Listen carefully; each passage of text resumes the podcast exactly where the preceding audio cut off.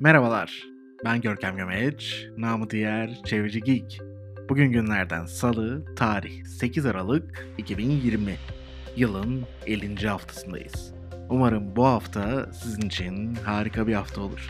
Şimdi gelin beraber bu haftanın sürdürülebilir kalkınma ve çevre dostu yaşama dokunan haber ve etkinliklerine bir göz atalım.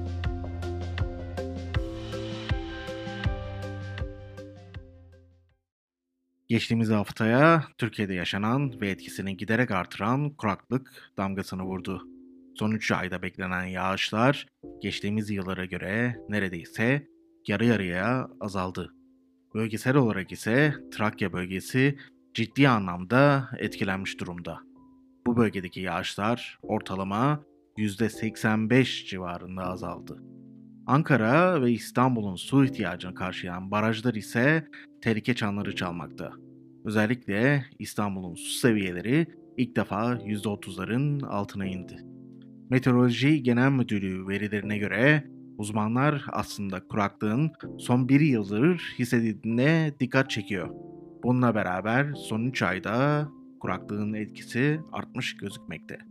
CHP İzmir Milletvekili Atilla Sertel'in yağışlar ve kuraklıkla ilgili soru önergesini yayınlayan Tarım ve Orman Bakanı Bekir Pakdemirli de eğer 2020 yılının kalan günlerinde yeterli yağış düşmezse 2020 yılı son 5 yılın en kurak yılı olabilecek dedi. Kuraklığın aynı şekilde devam etmesi söz konusu olursa Türkiye'yi tarımsal kuraklık da beklemekte. Tohumu ekip sulayacak su bulamadığımız bu evrede tarım ürünlerinin yani gıdamızın ciddi şekilde etkilenmesi söz konusu.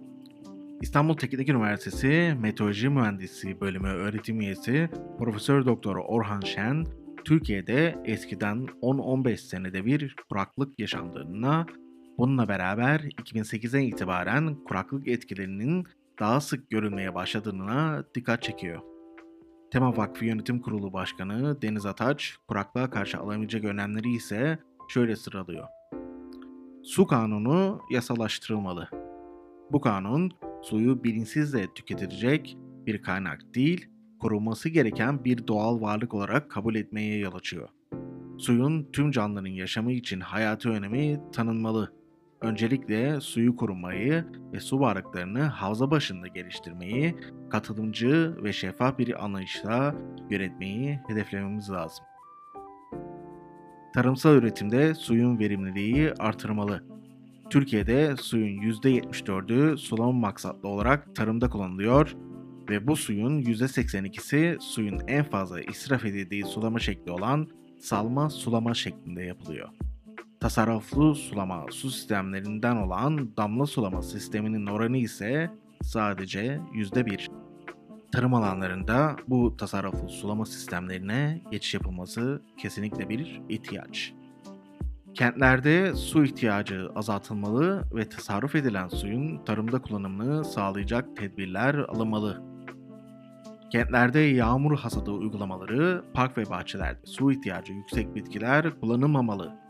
Buralarda gri suyun kullanımı yaygınlaştırılmalı, su tasarrufuna yönelik eğitimler ve uyarılar yapılmalı.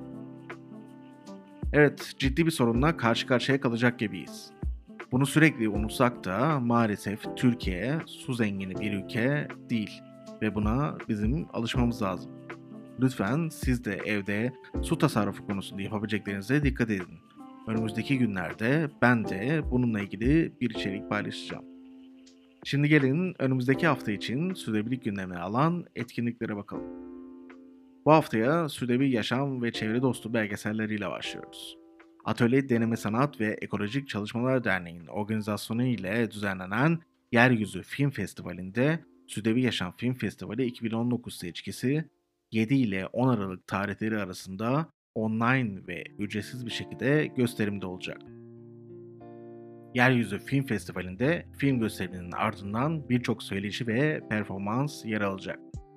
Film ile söyleşilerin detaylarına ulaşmak ve kayıt olmak için sürdürülebiliryaşam.net'i ziyaret etmeniz gerekli. Şimdiden iyi seyirler. Günlük hayatta kullanılan elektronik cihazların nasıl çalıştığını merak ediyorsanız PUSEK'in düzenlediği atölye tam size göre.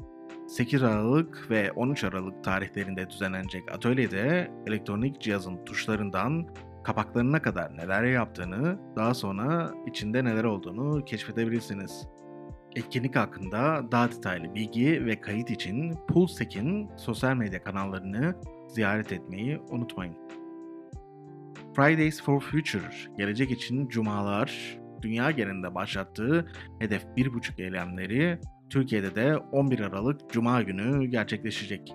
12 Aralık Cumartesi günü Birleşmiş Milletler'in Paris Anlaşması'nın 5. yıl dönümünü kutlamak için bir araya gelmesinden önce yapılacak etkinliklerin amacı ise belli. İklim aktivistleri iklim kritiği bu kadar ciddi bir boyuttayken kutlama yerine taleplerinin dinlenmesini istiyor. Özellikle Türkiye'de Paris Anlaşması'nın meclise onaylanmadığına dikkat çekmek lazım. Tüm dünyada ve Türkiye'de düzenlenecek etkinlikler hakkında daha fazla bilgiye Fridays for Future Türkiye'nin sosyal medya kanallarını takip ederek ulaşabilirsiniz. Etkinlik önerileriyle beraber bu haftanın gündemine birlikte bir göz atmış olduk. Tüm bu etkinliklerin detaylarına çevrecigeek.com'da ulaşmanız mümkün.